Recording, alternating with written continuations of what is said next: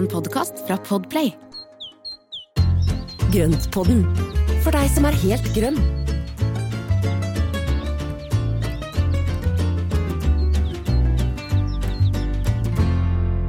Hei og velkommen til Grøntpodden. Takk for sist. Hei, Espen.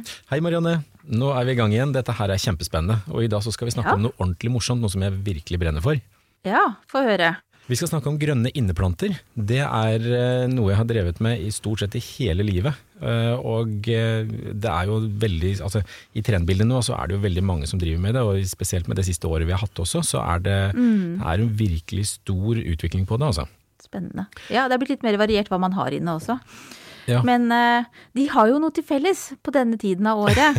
Ja, det har de. Og det er at de sliter litt. Alle sliter. Så vi tenkte litt førstehjelp for uh, uh, slitne inneplanter, det, det passer nå. Ja, det gjør det.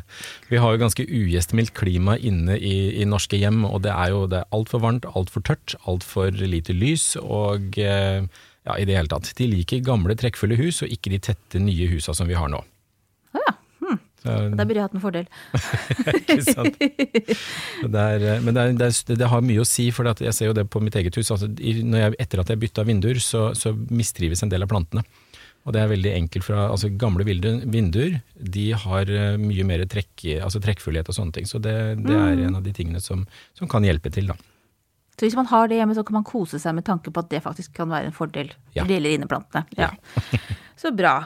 Men eh, jeg tenkte på det med potteplanter. Ja. Uh, som føles, som du sier, det er jo veldig i, i tiden, og det er så innmari moderne. Uh, men når var det vi egentlig begynte å ta med oss planter innendørs? Oi, Vet du det er, jo, det er jo kjempelenge siden. Det er, altså, de gjorde jo det allerede i Kina og Egypt, og sumererne gjorde dette her for en 4000 år siden. Oi. Så dette her er ikke noe nytt fenomen. Det er, eh, det er, altså, det er gjort i, i, liksom, i uminnelige tider. Eh, og så var det jo da under renessansen så var det jo da veldig mye som kom med de handelsreisende. For altså når de var ute og, på handelsveien og henta inn og kjøpmenn og sånn, så tok de med seg ting de syntes var fint. Og det var jo, altså Interessen for eksotiske planter var jo noe som virkelig vokste på, ja, også under viktoriatiden. da. Ja. Og det var jo en, en tid hvor de da begynte også å fylle opp rommene med store planter og mye grønt og, og i det hele tatt. Mm, bregner og Ja. Bregner, palmer og, og en del av de, en del av de eh, altså bladvekstene, da. Så, Og det var jo også det at de, i rommene på den tiden så var det jo tunge gardiner, litt mindre vinduer, og det gjorde at man da trengte planter som da kunne tåle mindre lys. Og det er jo mange av de plantene som vi har i dag også, som egner seg veldig godt for, eh, for norske forhold. Så hvor, hvor kommer egentlig disse plantene fra? Altså sånn i, fra naturen? Vi, vi har jo ikke henta dem ute i den norske naturen. Nei, det er jo, det er jo fra altså Noen er jo altså fra mer eksotiske områder, og det er jo Asia, det er, hele verden egentlig. Eh, så det kommer fra, fra veldig mange forskjellige steder av verden. Og eh, det er jo faktisk også veldig morsomt, for en av de første, eller den første hageboka som man kan spore tilbake, den ble jo, den ble jo skrevet i 1660 av, eh, av en som heter Hugh Platt. Og han skrev jo denne her på oss i 1660, og allerede da så var det jo et del fokus på inneplanter. Så det ble jo sett på som status, og det var jo ikke alle som hadde det den gangen, da.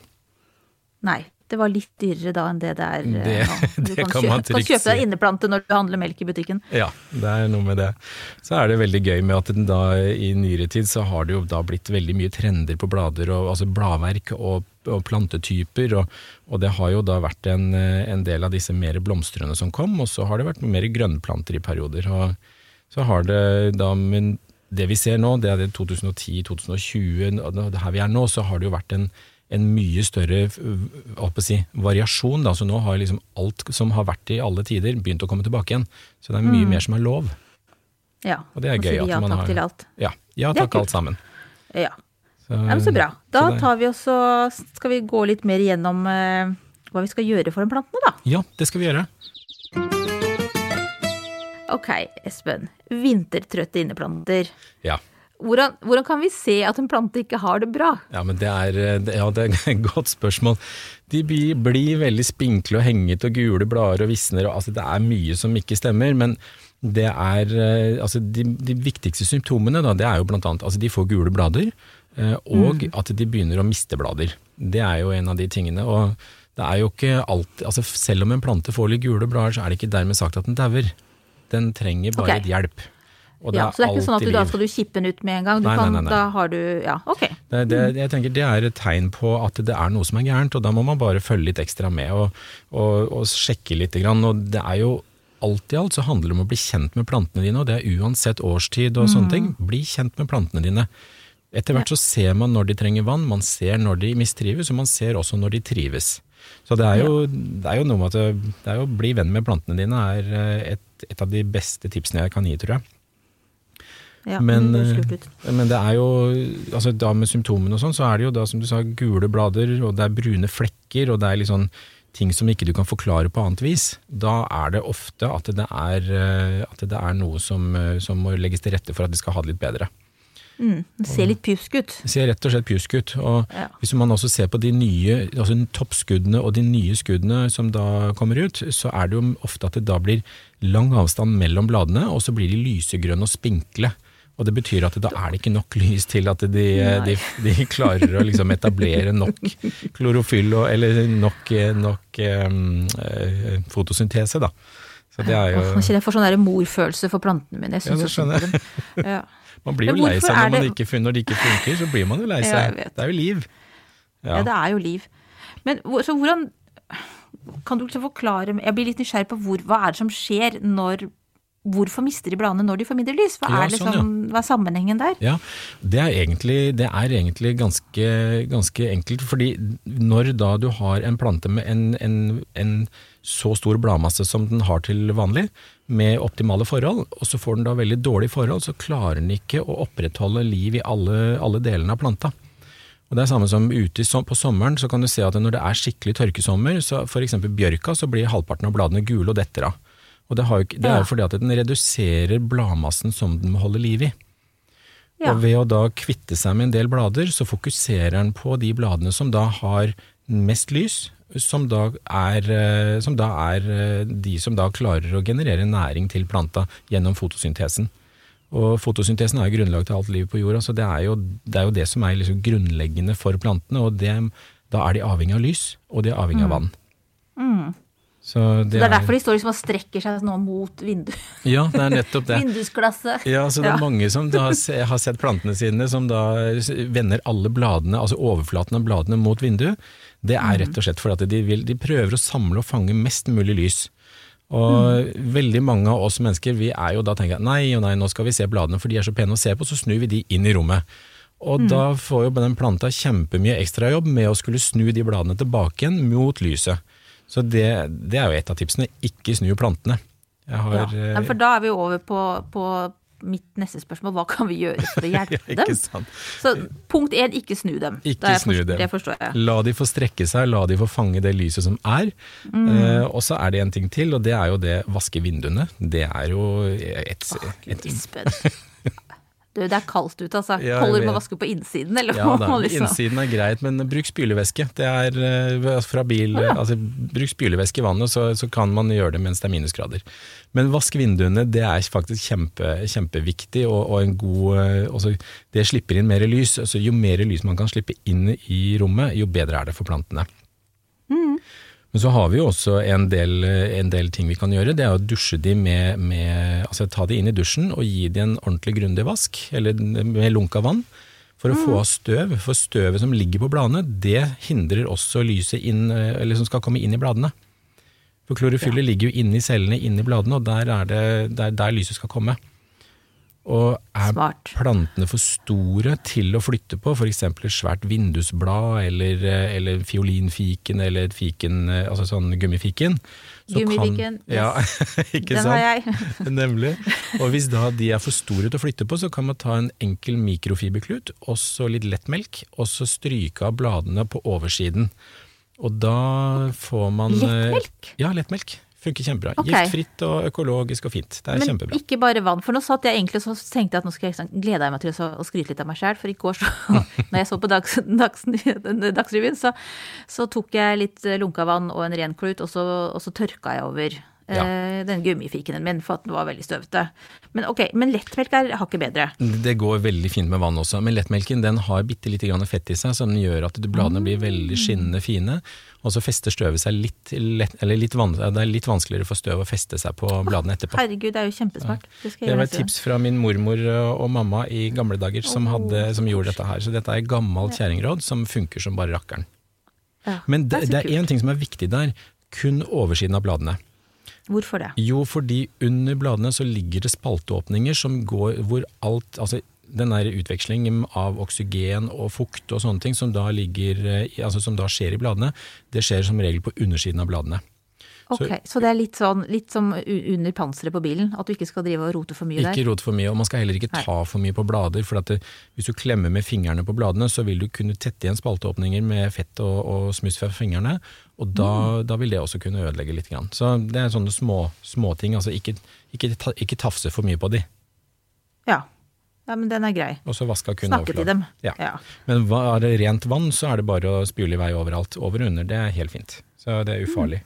Så, um, så det er jo en av de tingene som man kan gjøre. Og så er det jo selvfølgelig eh, plantelys. Altså gi ekstra plantelys. Nå er det jo utrolig mye godt plantelys på markedet gjennom LED-lys, som da ikke utvikler noe særlig varme, og, eh, og som har veldig bra lysspekter, da. Ja, jeg liksom tenker på at plantelys er bare når man skal få eh, spirer og altså når vi sår frø. Men man Mm. kan bruke, er det samme type plantelys som man kan bruke da til å gi eh, inneplantene litt ekstra Ja, ja. boost? Mm, så det er bare, å henge opp Det finnes jo sånne som du kan skru rett inn i alminnelige pæresokler, altså sånn lyspæresokler. Og det er, eh, det er bare å henge opp og, og henge der her og der, og da, da får de den lille ekstra hjelpa som de trenger, da. Ja. Så, og selv om vi merker så vidt at dagene har begynt å bli litt lenger, så er det ikke, det er ikke, det er ikke merkbart for plantene enda, selv om de begynner å nærme seg. Og så har de jo da et lite etterslep på at de har hatt en tung tid i de siste ukene. Stakkars. Ja, det er ikke Ja, Det de har liksom vært litt pjuske. Så Ja. det, det tar litt tid å bli komme seg opp i form igjen. Ja, men det gjør Forstår det. det. Men så er det også Er det de viktigste tipsene? Er det liksom Er det noe mer eh, Jeg sitter og teller på fingre hvor hva jeg må huske på her. Ikke sant?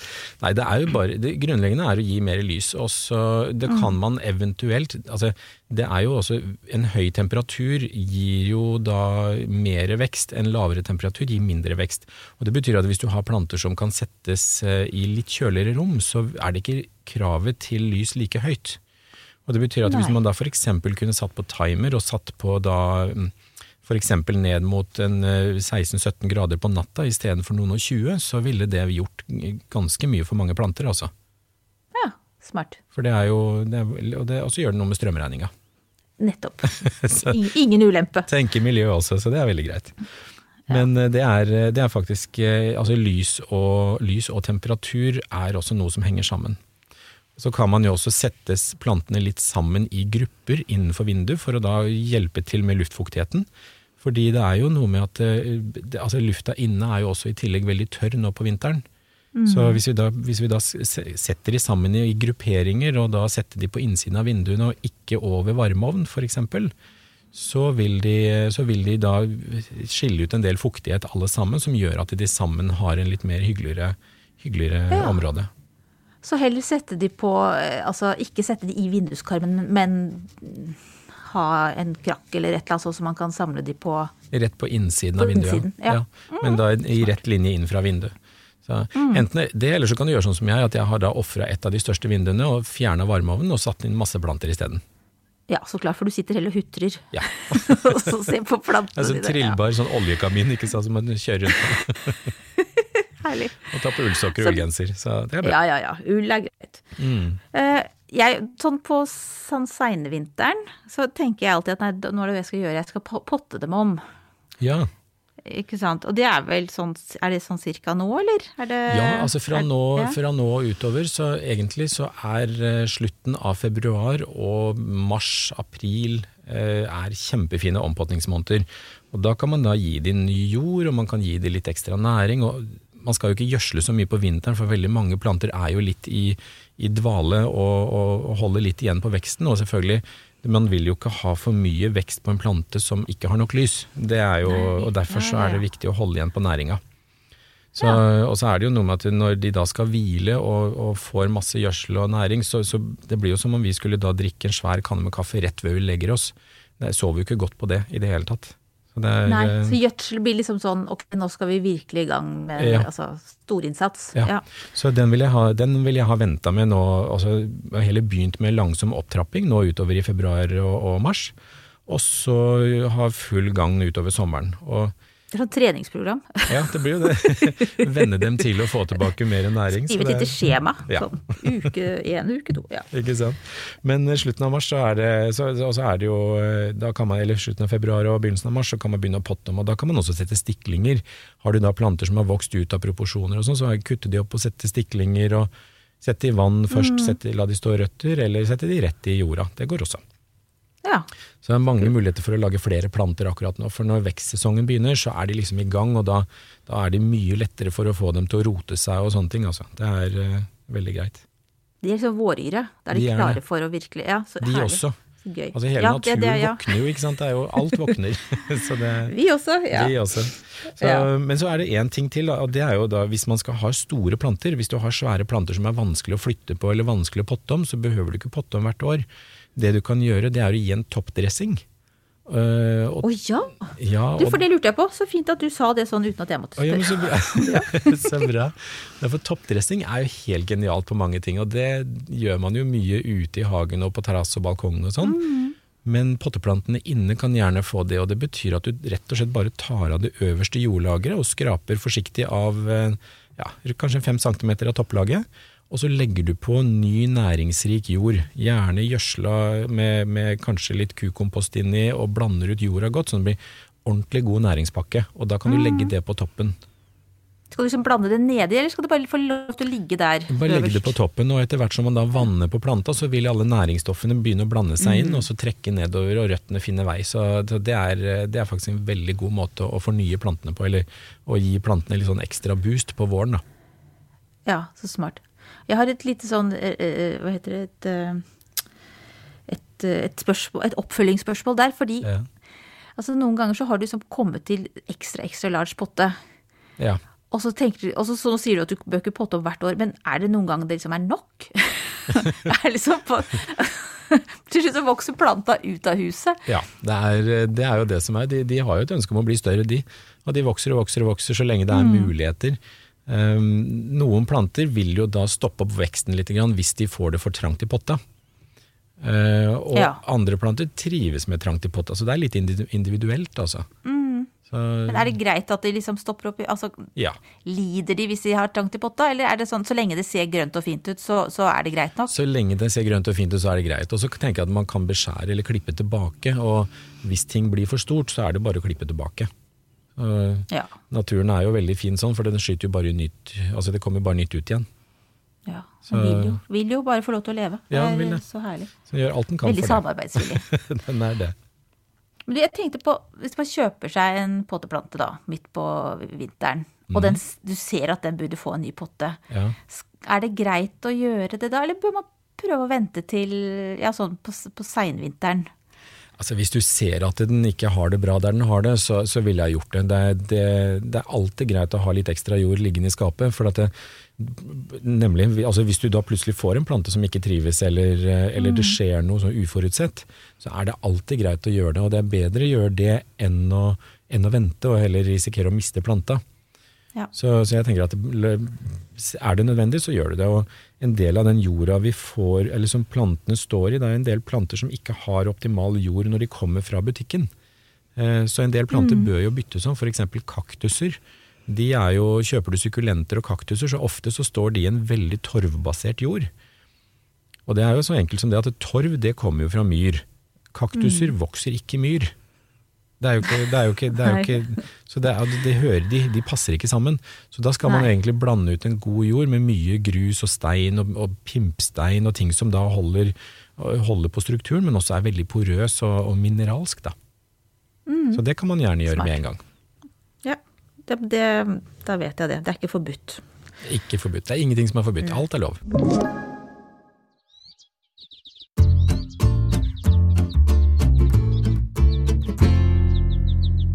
Du Espen, Altså, Er det innbildningen, eller er det sånn at plantene er mer utsatt for sykdom og insektangrep på denne tiden av året? Ja, du, snakker du erfaring nå? Jeg, snakker, jeg spør for en venn. Du spør for en venn, ja. ja nei, det er, det er det.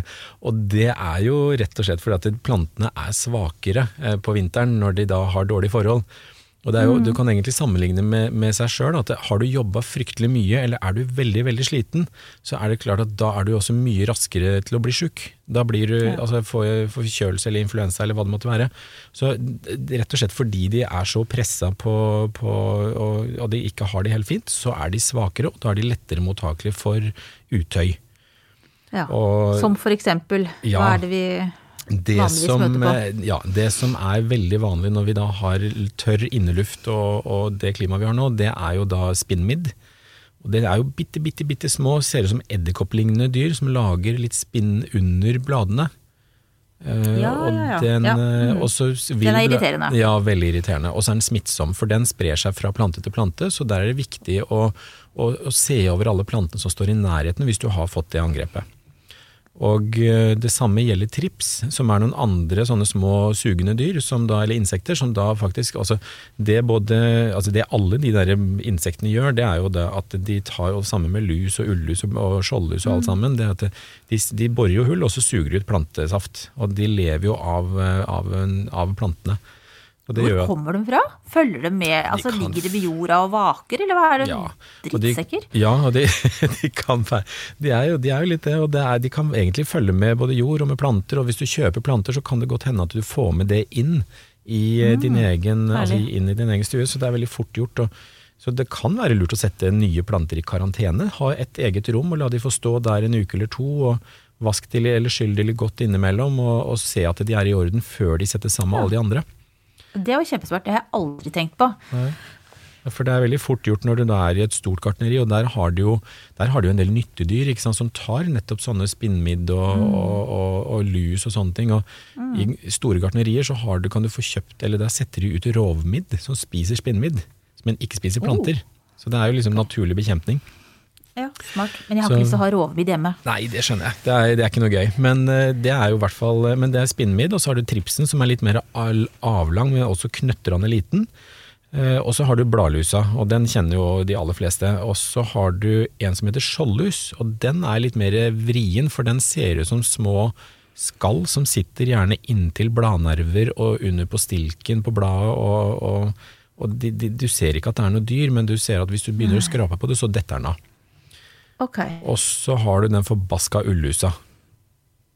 Og det, den er lei, altså. For den, den går ofte litt nedover mot stammen, og noen ganger så går den også ned i jorda og røttene og sånne ting. Og den ser ut som små ulldotter, altså hvite ulldotter. Og eh, Ja. er da eh, er altså litt vrien å bli kvitt. Så alle disse her de sprer seg, så det er viktig å da isolere den planta som er sjuk, og så se over de plantene som står i nærheten. Så er det jo ikke har du noen sånn knep for bekjempelse Altså, er det å plukke Ja, av, da? Og så isolere, som du sier. Hva, hva gjør man? Ja, skjoldlus og ullus, der kan du plukke av det meste. Men det, som du, det du gjør med, med, med alle de andre, de er umulig å få tak i, for de er så knøttrende små. Så det du kan bruke da, det er grønnsåpevann. En del grønnsåpe, to deler vann i en dusjeflaske, og dusje grundig. La stå en time eller to, og så spyler du av planta etterpå. Og så gjentar Er det giftig for dem, eller er det, blir Nei, det glatt for dem? Det blir, altså Grønnsåpa den legger seg utapå disse små krypa, og så kveler, altså kveler de. Ja. Så, ikke sant? Og så har du en annen ting, så det er noe som heter nimolje. Og det er også en, en oljesak som også legger seg utapå og kveler, kveler, mm. kveler disse her. Så, Ja. Men det er jo naturlig, jeg tenker naturlige ting er best, ja, for at nå har de jo tatt bort veldig mye sprøytemidler fra markedet heldigvis, og da, da grønnsåpevann er naturlig og fint og skader ingenting. Nei, det høres veldig Så, smart ut. men det er litt jobb, altså du, man må gjenta dette her. Altså, altså Isolere planta er kjempeviktig. Å være grundig og vaske over vinduskarmen og se at det ikke er noe Ja, rett og slett eh, passe Mm. på at det ikke er noe gærent. Så det er egentlig veldig greit å innføre den karanteneordningen, da. Ja. Når du tar en ny eh, plante inn i huset. Ja, så kanskje du slipper alt det her. Mm. Så ha et sted også, også ja, rett og slett la de stå isolert en stund. Ja. Hvem er det som klarer seg best innendørs, da? Altså hvilke planter eh, bør vi satse på? Nå er det jo altså alle de plantene som da egentlig er halvskygge- og skyggetålende planter, eh, og gjerne da sånn litt mer tropiske som vokser i av, altså nede i skogbunnen og sånne ting, og da, da, er det jo en del fine, det en del fine planter som, som klarer det. Og nå er det jo altså de store, store bladplantene, sånn som eh, altså Det er jo en del av disse som er med, med tegninger på bladene. Calathea blant annet, og philodendron og disse her, som er store Eh, litt større blader som klarer seg veldig fint. Og Ja. selvfølgelig med, med De må jo ha lys, så det er ikke det, de, men de klarer seg overraskende greit, da. Men eh, dette her med luftfuktigheten er jo litt viktig, for at det er en del av de som trenger luftfuktighet for å, for å fungere godt nok, da. Kan man spraye litt rundt dem, da? Eller med noe Eh, Ja, det kan man gjøre, men, ja. men det er mest det å sette de i gruppering, altså sette de tett Ja. sammen. Så hjelper hjelper de hverandre. Ja, så hjelper Ja. de hverandre. Men den store taperen, da, det er jo sukkulentene. Kaktuser og sukkulenter de er den store taperen i en varm, tørr inneklima altså inneklima med, med Mm. lite lys. For de får ofte veldig merkelig fasong og strekker seg og får, eh, ja, vokser veldig gærent. Ja, for man tror liksom at de takler alt. Ja, det er jo det, men det er jo det, Ja, det er jo blitt Dessverre så har det blitt De har jo fortalt Det er blitt fortalt i mange, mange år at kaktuser og sukkulenter tåler alt, og de, de klarer Er så seg uansett. vet du. Ja, Ja. Men de er ikke Mm. det. Og det er jo De klarer seg i de, For å si det sånn, de bruker lang tid på å dø. Dokkors. Ja. Ja. Så det som gjør at de klarer seg lenge, og de ser, de ser helt fine ut, men så dauer de. Og da, Mm. da, da er det liksom eh, det, det, det som er greia. Men de blir jo kjempefine hvis de får det lille ekstra stellet. Så putt kaktuser og sukkulenter, altså de aller fleste av dem liker å stå på mellom fem og ti grader på vinteren, og helt tørt. Tørt og lyst. Og hvis de da gjør det, så er, det, så er du også nesten sikra å få blomstring til sommeren. Og for å si sånn, kaktusblomster, når de blomstrer, det er ikke noe som er finere, altså. Nei, det er kjempefint. Det er jo Ja. helt spektakulært, og det, at de der små piggete knottene kan da komme med så store, fine, fargerike blomster, er helt vilt. Det er, det er så fint, det. sånn Mirakel hver gang det skjer. Ja, det er det. Så, så de står veldig kort, men det er, eh, det er absolutt verdt det. Og da kan man jo bruke et sånt, hvis man har et kjølig soveromsvindu som man da har på gløtt, eller eh, så lenge ikke det er frost, så, så vil det kunne gå greit. Altså sette de i et kjølig vindu. Eller en gang, eller et eller annet. Ja. Jo, jo. Det, men det har jo Alle har som regel et eller annet sted som det er litt kjøligere. Mm. Ja. Men er det for nå, Jeg syns jo nå innmari synd på, på eh, stueplantene mine etter den praten her. Men er det så Er det Er det, er det ok for dem at de bor innendørs? Ja da. eller, jeg tenker sånn, Hvis jeg da liksom undrer dem et, et, eh, et friluftsopphold om sommeren, på Ja, måte veier de sommerferie. opp for ja, litt sommerferie. Ja, Blir alt bra da, liksom? Veldig mye blir bra, og det er jo veldig mange av inneplantene våre er, stortrives med en sommer ute.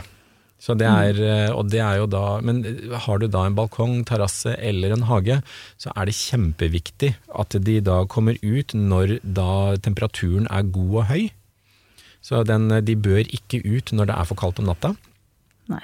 og eh, tas inn før det begynner å bli for kaldt. Eh, Og i tillegg så bør alle de inneplantene vi har, de er ikke vant med sola, sånn at det, det betyr at de bør gå ut i halvskygge eller skygge først, og så noen av de kan gradvis vennes til sola. Ja.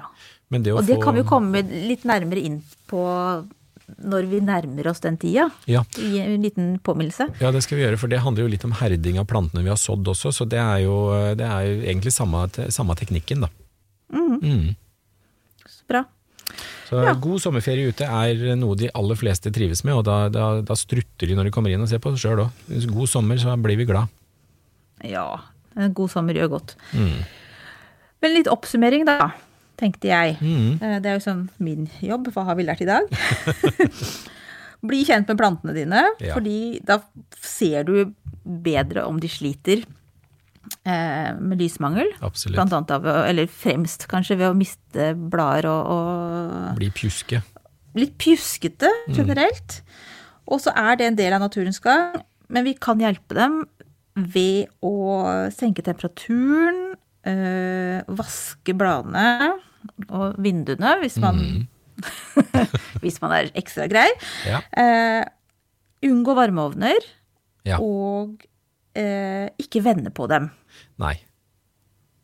Ikke sant? Det var, det, det var den.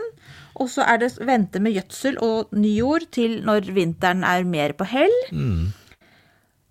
Og så er det ikke uvanlig at de blir angrepet på vinterstid, for da er de litt svake, som vi nå vet. Mm. Og da er grønnsåpevann er supert, Ja. og nimolje. Ja. Hvor får man kjøpt nimolje? Bare Det er spør på om det. Sånn. nettbutikker. Altså, okay. Søk på nett, så, så finner man det. Det, vi kan jo også se, vi kan jo legge ut noen linker på, på sosiale mediekanalene våre. på Absolutt. Facebook Jeg tenkte at vi kanskje kunne legge, hvis det finnes, eh, kanskje jeg ikke skulle love for mye, men kan vi ta, legge ut noen bilder av de der utøyene? Slik at vi kan, folk Ja. kan se hva det er? Prøve å finne, prøve å finne, i hvert fall finne det- resultat, hvordan plantene ser ut etter det. Uh, Ja. Det er det. Ja. Ja det kan vi, vi prøver å finne på noe der. Mm. Det skal vi Eh, gjøre. Ja. Og planter som ikke trenger så mye lys, er de som tåler vinteren best. Ja. Så hva er det- greie planter? Har du noen tips, eller? ja, det har jeg. Men det er én ting til som, som vi må også ha med i oppsummeringa. Det er at det, eh, tilleggslys, eh, altså plantelys, Ja, ja, så klart. det ja, er alltid verdt, eh, verdt å prøve seg på. Altså ha inn litt Mm. plantelys. Men jo da, eh, tips om lettstelte planter, men da har jeg også lyst til å ta med en vrien, hvis det er lov å ta med noe som eh, man kan bryne seg litt på.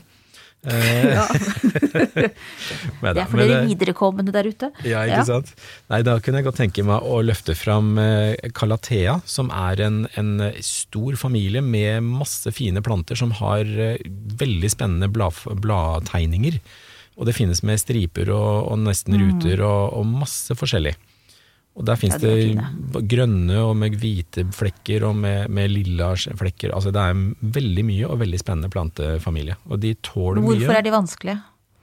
Nei, de er, van- de er, de er enkle. Den vanskelige Er kommer den grei, det? Å, Ja, ja. ja, ja. Oh, ja, jeg sparer sparer den vanskelige til slutt, skjønner du. Så den, eh, men Maranta, nei, Maranta sier jeg, eh, Calathea, den er kjempeenkel. Og så er det en annen som er en av de virkelig gamle plantene, som er eh, aspidistra.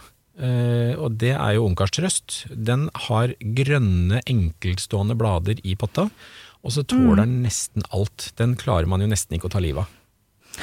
Og den er eh, virkelig seig, altså. Så den, mm. den er, eh, den er gøyal. Og så er det jo selvfølgelig det gode gamle pengetreet.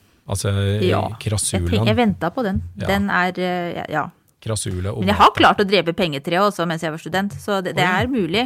Ja. okay. Men den Men nå har, forstår jeg det ikke lenger, for Nei. den, den har- stortrives jo nå. ja, ikke sant? Men den har også veldig veldig godt av å komme ut på sommeren. Den blir så fin og kompakt og er Mm. helt, eh, helt nydelig. Eh, Jeg har en som jeg fikk av min mor, som hun satte som stikling da jeg var baby, så den er jo nå snart 50 år gammel. Så den, Åh, og den, eh, så den er så fin hver sommer. Ja. Og så er det inn litt kjølig på vinteren. Men Ja. den vriene, da, det er jo da Nå er det jo ikke lenge før disse nydelige kameliaene kommer i butikken. Altså kamelia, Mm. det er jo de, den er jo i slekt med te, altså teplanta. Mm. Og eh, den har masse fine blomster som minner litt om roser, og finnes i rosa, hvit, litt store blomster og litt mindre blomster. Og både enkle og fylte. Men den er veldig sær, for den trenger kjølig og fuktig, og eh, vokser egentlig sånn ja, På Azorene og, og Madeira for eksempel, så vokser den jo som svære trær, men den blir kjempefin, altså. Og hvis man får tak i en sånn, hvis hvis ja. man får den til og knekker koden med fukt og temperatur, så Mm. er den verdt å ha, for at den er, den er, den er sjukt fin. Ja, det, er- det er jo nydelig. Ja. Den er kjempefin. Ja, så bra. Så det Da- tenker jeg at det er, det er noen, noen, noen, noen tips på både enkle og en litt vrien. Ja, men vi legger, vi legger ut bilder vi, av, vi av både de enkle og den litt vriene. Ja. Eh, men du, du, du nevnte jo en annen plante, marantaen. Kan, kan ikke vi ha det som eh, ukas plante? Jo, det skal vi gjøre. Da, da finner vi noe på den. Ok, hva kan vi si om marantaen? Jo, Mariantan er jo også en av de virkelig lettstelte plantene, og den eh, er litt gøyal med Altså, den har også litt av de samme tegningene i bladene som calathea, og er eh, i Altså, et stykke uti, uti her, så er den i samme familie, eller samme slekt, da. Ja. Men den blir også kalt for bønneplante, eller prayer plant. Og det er jo litt gøyalt, for at på kvelden så folder alle bladene folder seg oppover, og så står de som, eh, som foldede hender. Og det er en ganske morsom, morsom greie som de gjør. Kult. Og det er jo, jeg vet ikke hvorfor de gjør det, eller det er jeg ikke helt sikker på, men de, har, de, de lukker seg da på, vind, på sommeren, eller på sommeren skal jeg gjøre, på kvelden. De stenger for kvelden. Jeg er så ivrig på sommer, jeg vet ikke. De stenger seg, de stenger seg for kvelden, og da, lukker Ja. de, da, da folder de de bladene, og derfor så blir det også kalt for bønneplante. Da. Men Mm. eh, det er nok eh, antageligvis for å beskytte planten på et eller annet vis, fordi det er jo flere andre planter som også lukker seg eller folder sammen bladene på, på kveld og natt. Da. Så, så det er en veldig veldig fin plante og veldig lettstelt plante. Har vært i, den har stått i vinduskarmen i alle år. Jeg husker den fra vinduskarmen til mormor. og, og Fikk vel en stikling derfra for mange år siden. og Det er veldig enkel å ta stikling av. Og så er den faktisk også helt ute i ytterste slekta, så er den i slekt med ingefær. Oi, wow. Mm. Hva du vet. Men det er, Men er det en lettstelt plante? det er veldig lettstelt. Den Ja, kan få lett tror tørke. Lett, ja, den kan få tørke litt ut mellom hver vanning, og den liker eh, å stå i halvskygge. Får finest Mm. tegninger hvis den får stå litt inn i rommet og ikke, ikke ha sterk sol på bladene. Vi skal, vi skal legge ut bilde av den også, for at den eh, har jeg et veldig fint bilde av som vi kan legge ut på både Instagram og Facebook. Ja, så bra. Og jeg hadde bare grunnen til at jeg tenkte at den var lettstelt, var at jeg leste et sted at den ofte er å finne på shoppingsentre. Så jeg tenkte det er jo, ja. må jo være et tegn på at den kanskje ikke tåler, eller ikke trenger så mye Ja, pleie. ja. Og der er det jo robuste planter som blir brukt, altså, så det er, kjempe, det er kjempebra. Ja. Ja. Ja, men så bra. det er den, men det er eh, absolutt verdt et forsøk. Den bør man, bør man prøve å fylle og, og ha i samlinga si. Jeg har et spørsmål fra lytterne. Eller Ja. du har faktisk det. Ja. For det var gjaldt begoniaknoller. Ja, det er det. Og jeg fikk spørsmål egentlig om, om eh, kan jeg dele begoniaknollene, og kan, når skal jeg gjøre det? Og det er jo, altså Begonia er jo en, en av de plantene som virkelig har fått et oppsving de siste årene. og da De gamle skaugumbegoniaene som vi har ute i, i, på terrassen eller balkongen eller i hagen, er jo disse her røde begoniaene. Og det er en av de plantene som sneglene ikke liker, så det er veldig bra. Og de er jo også spiselige blomster på, så det er ekstra gøy. Men knollene kan deles. Når knollene blir store, og de ligger jo da tørre og overvintrer sammen med georgineknollene nå på vinteren, og nå i februar-mars, når man da skal plante de og fordrive de, så kan man dele de. Så del de i to. Hvis det er stor knoll, så kan man dele de i to, men husk å la sårflata tørke. Den bør ligge og tørke i noen dager, slik at den får en litt sånn der hinne eller sånn korkaktig belegg på seg før du planter den. Ok. Deler man med kniv eller med hendene, eller hvordan altså, river man fra ren kniv. Ren Ja. kniv, En nyvaska ren kniv, så ikke det blir noe sopp og, og tull og tøys som kommer i sårflata. Og så lar man den da ligge og tørke litt, for da hindrer man råte når du planter den. Ja, da er vi ferdig med spørsmålet. Moving on. Mm. Ja. Hva gjør du nå for tida? Hva skal vi finne på nå i eh, planteverdenen? Åh, det er jo så mye. Nå, altså, nå er det like før alt eksploderer, men det første jeg har tenkt å gjøre nå, det er å stupe inn og gå meg vill i nettbutikker for å finne nye georgineknoller. Det er altså en av, ja, det er en av favorittene, og de, når de kommer i jorda og kommer ordentlig godt i gang, så blomstrer de fra midt på sommeren og helt fram til frosten tar de siste blomstene, altså.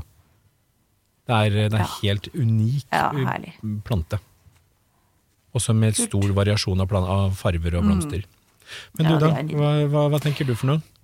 Ja, altså, jeg, nå har jeg veldig sånn eh, kort, kortsiktig perspektiv. Jeg. Jeg fikk akkurat eh, henta en pakke med sånne erteblomstfrø som jeg bestilte fra England for eh, ganske lenge siden. Oi, så spennende. Eh, ja, Og det er sånn gammeldagse poser uten bilde, så nå må jeg bare sette Etterpå skal jeg sette meg ned og så gå inn og så se på hva er det egentlig jeg har bestilt igjen. Jeg og, og pose meg med det. bestilte. Ja, og, og ja, det er vel ikke så lenge før disse frøene kommer i jorda, tenker jeg. Kjenner jeg meg sjæl rett. Det er Ikke sant? Ja, det Så det det er det jeg er- skal kose meg med nå. Men det er jo, altså, det er jo ingen sommer uten erteblomster. Nei, Det er jo- nei, det er også Blir mer og mer glad i hjerteblomster. Og så kommer det jo flere og flere sorter av de. Det er jo så mye Ja, varianter av de nå, så det er veldig Mm. gøy.